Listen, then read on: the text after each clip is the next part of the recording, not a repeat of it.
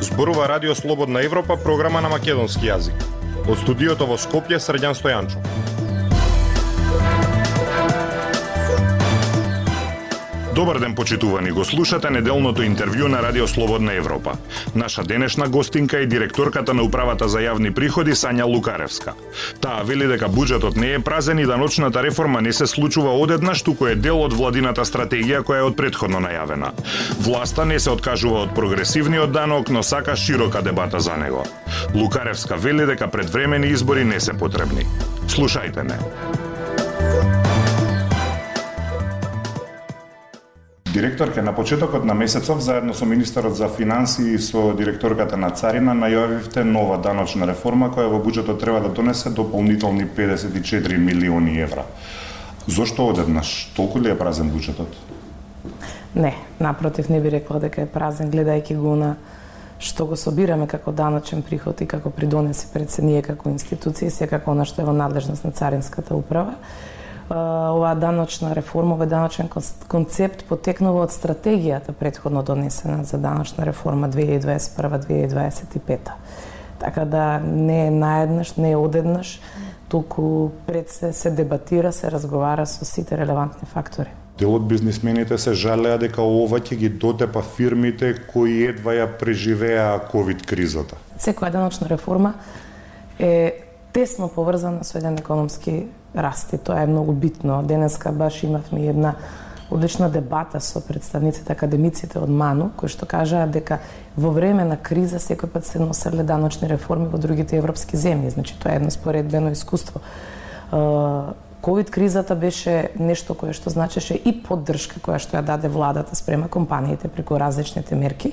Овдека зборуваме за неутрализирање на се она што значи неправедност во рамки на еден даночен систем ние ги слушаме сите релевантни фактори, како што реков, сите забелешки ќе бидат земени во предвид, се она кое што нема да помине во сите тие дебати, секако дека нема да го ставиме на било каква форма за имплементација или да се гласа во собранието преку законските измени. Значи, ова е реформа со која што ние сме ги детектирале слабостите, сме ги е, земале во предвид сите оние забелешки и препораки и од ОЕЦД, и од Светска банка, и од ММФ, сме ги преточиле на парче хартија и потоа сме отвориле соодветна дебата, затоа што мора да се дебатираат работите за да нема некои поднатаму непопуларни решенија.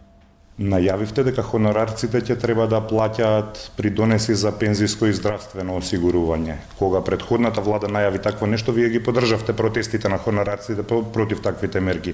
Зошто сега се предомислувате? Повторно ќе се навратам на она што значи сугестија од страна на светски финансиски институции, како што е, она кое што е стремеж во земјите во Европската Унија, а ние се стремиме нели да ги прецизираме сите тие препораки, на оваа тема со сите фактори разговаравме и со бизнес заедницата, разговаравме и со е, сметководителите, разговаравме со консалтинг компаниите, разговаравме со ревизорските куќи, разговаравме со МАНУ, разговаравме со експертите, овдека има на вистина поделени мислење. Меѓутоа, на крајот ќе мора да се најде најдоброто решение. Никој не рече дека оваа реформа значи 100% незино имплементирање камен на сопнување да, како најголем проблем секако е прогресивното оданочување, овие, да речем, оданочување кои што ги напоменавте, согласно договорите на дело, привременето вршење на услуги и така натаму.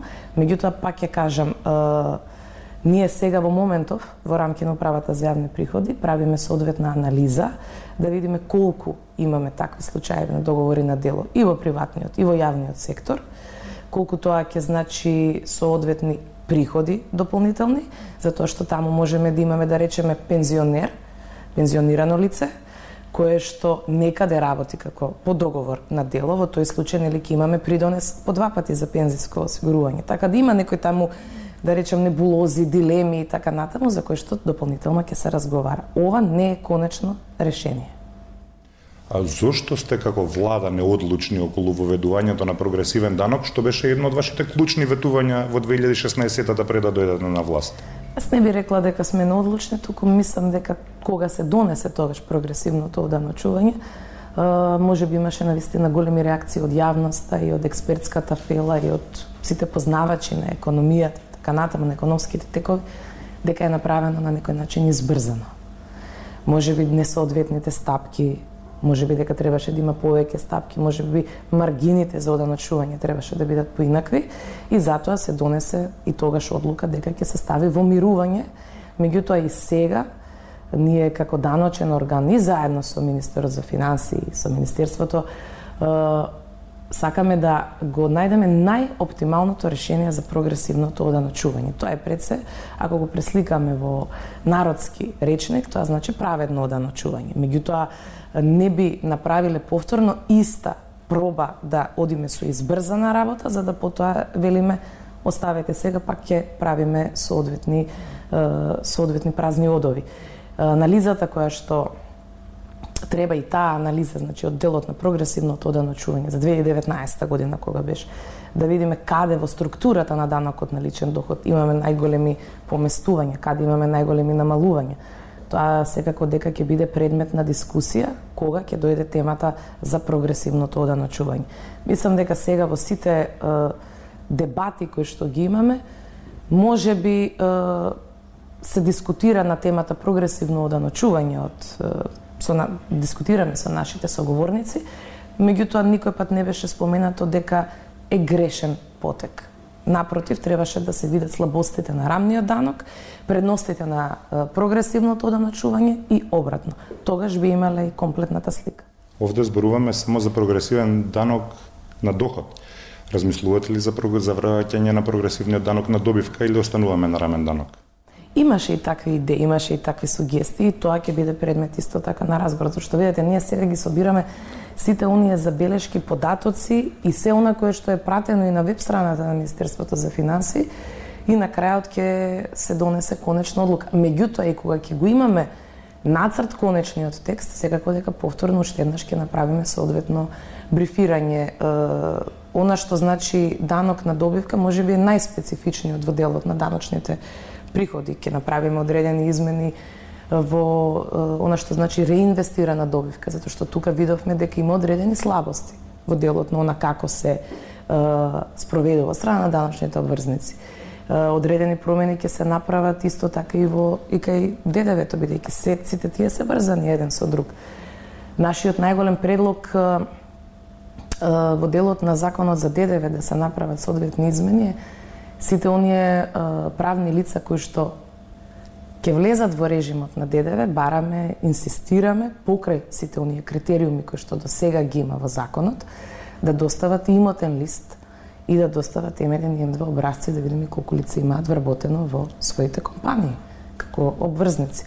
Бидејќи тоа се критериумите и тоа е борбата против сивата економија. Ние сме детектирале многу работи, се надеваме дека и граѓаните ќе помогнат, и компаниите ќе помогнат да ни детектираат уште плюс такви, бидејќи даночната реформа е покрај тоа што значи зголемување на онаа даночна база, меѓутоа е врзана со тоа што ревидирање на даночните олеснувања и ослободувања и борбата со сивата економија. Затоа што мислам дека најголем број од реакциите во јавноста беа дека даночната реформа треба да се стреми кон она што значи борба со сивата економија. Трошуците за живот во изминатата година се зголемија за 16%, храната е поскапена за скоро 24%. Најавивте антикризни мерки, но се уште ги нема. Што се чека? Антикризните мерки веќе се во своја завршна финална фаза.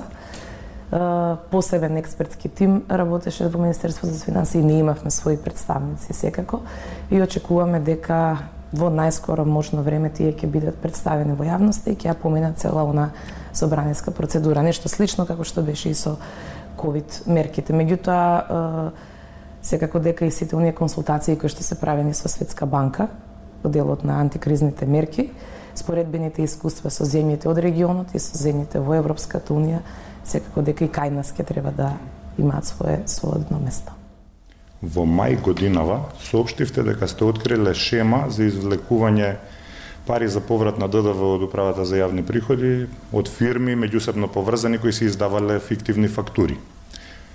Рековте дека сте откриле аферата уште во јули 2021 година. Помина повеќе од една година. До каде е истрагата за тоа или постапката за тоа?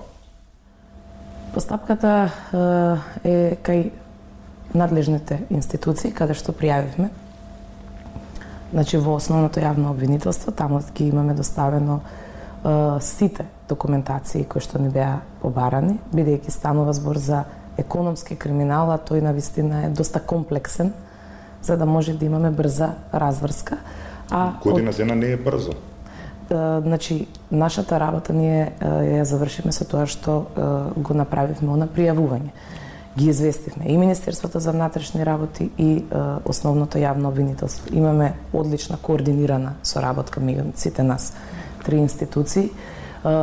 Периодично има соодветни состаноци за да се види до каде е целиот тој процес Меѓутоа, во интерес на она што значи истрага, не би смееле да зборуваме повеќе од колку што е дозволено да не го нарушиме оној принцип. Јас знам дека е предолг временскиот период, меѓутоа пак ја напоменам дека кога станува збор за е, даночно зативување, за економски криминал, сепак тука станува збори за бројки, за податоци и за обемна документација која што мора да биде детално испитана.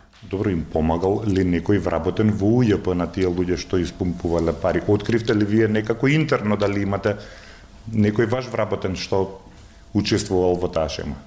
Мислам дека некаде се извести во јавноста дека и колеги од управата за јавни приходи се викани на разговор, така да веројатно има одредени инсинуации. Меѓутоа јас не би сакала никого да обвинувам во моментов се додека не се докаже она кое што треба да се докаже.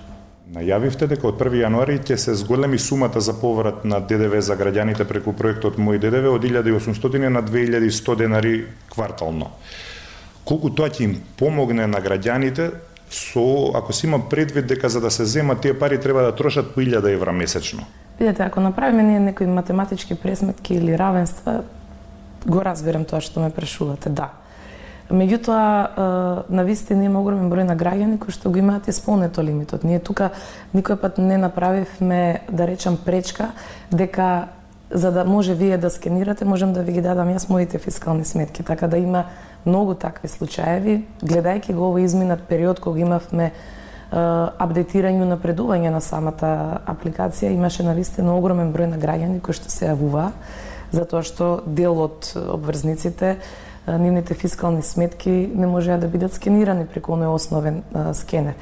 Мислам дека популарноста на мерката не обврзува постојано да правиме одредени убави промени и секако и да го зголемиме лимитот. Тоа е дополнување на животниот стандард во едно семејство. Ве прашувам сега и како заменик председател на СДСМ. Како очекувате да поминат уставните измени за внесување на бугарите во уставот? ако немате двотретинско мнозинство во парламентот? Јас сметам дека во ова парламентарно мнозинство, бидејќи секој пратеник го представува, ги представува граѓаните неговите гласачи. Тие во него гледаат иднина, тие во него гледаат проекти, тие во него гледаат стандард за оваа држава. Така да сметам дека е, има многу прогресивни сили кои што сака да одат напред и затоа оптимист сум, сум кажала неколку пати, дека треба и може да поменат уставните измени. Верувате дека пратеници од ВМРО ќе гласат за уставните измени? Јас очекувам дека секој оној кој што размислува еу перспективно, кој што размислува добро за државата, ќе гласа за тие уставни измени. Се најава енергетска криза и многу тешка зима. Може ли тоа да доведе до предвремени парламентарни избори? Енергетската криза тешката зима, инфлацијата, секако дека се факти кои што не се само кај нас во државата, туку и секаде низ целиот свет. Така да знам дека има постојано и консултации со станоци за да се најдат соодветни решенија за да може да се преброди овој тежок период. Тоа никако не смее да биде причина за парламентарни избори. Таман работа ние треба да пребродиме кризата, па тек потоа во 2024 додиме на редовни парламентарни избори. Ви благодарам на издвоеното време. Ви благодарам и на вас. Го слушавте неделното интервју на Радио Слободна Европа со директорката на Управата за јавни приходи Сања Лукаревска почитувани. Од студиото во Скопје со вас беа продуцентот Дејан Балаловски и Срđан Стојанчо. До слушање.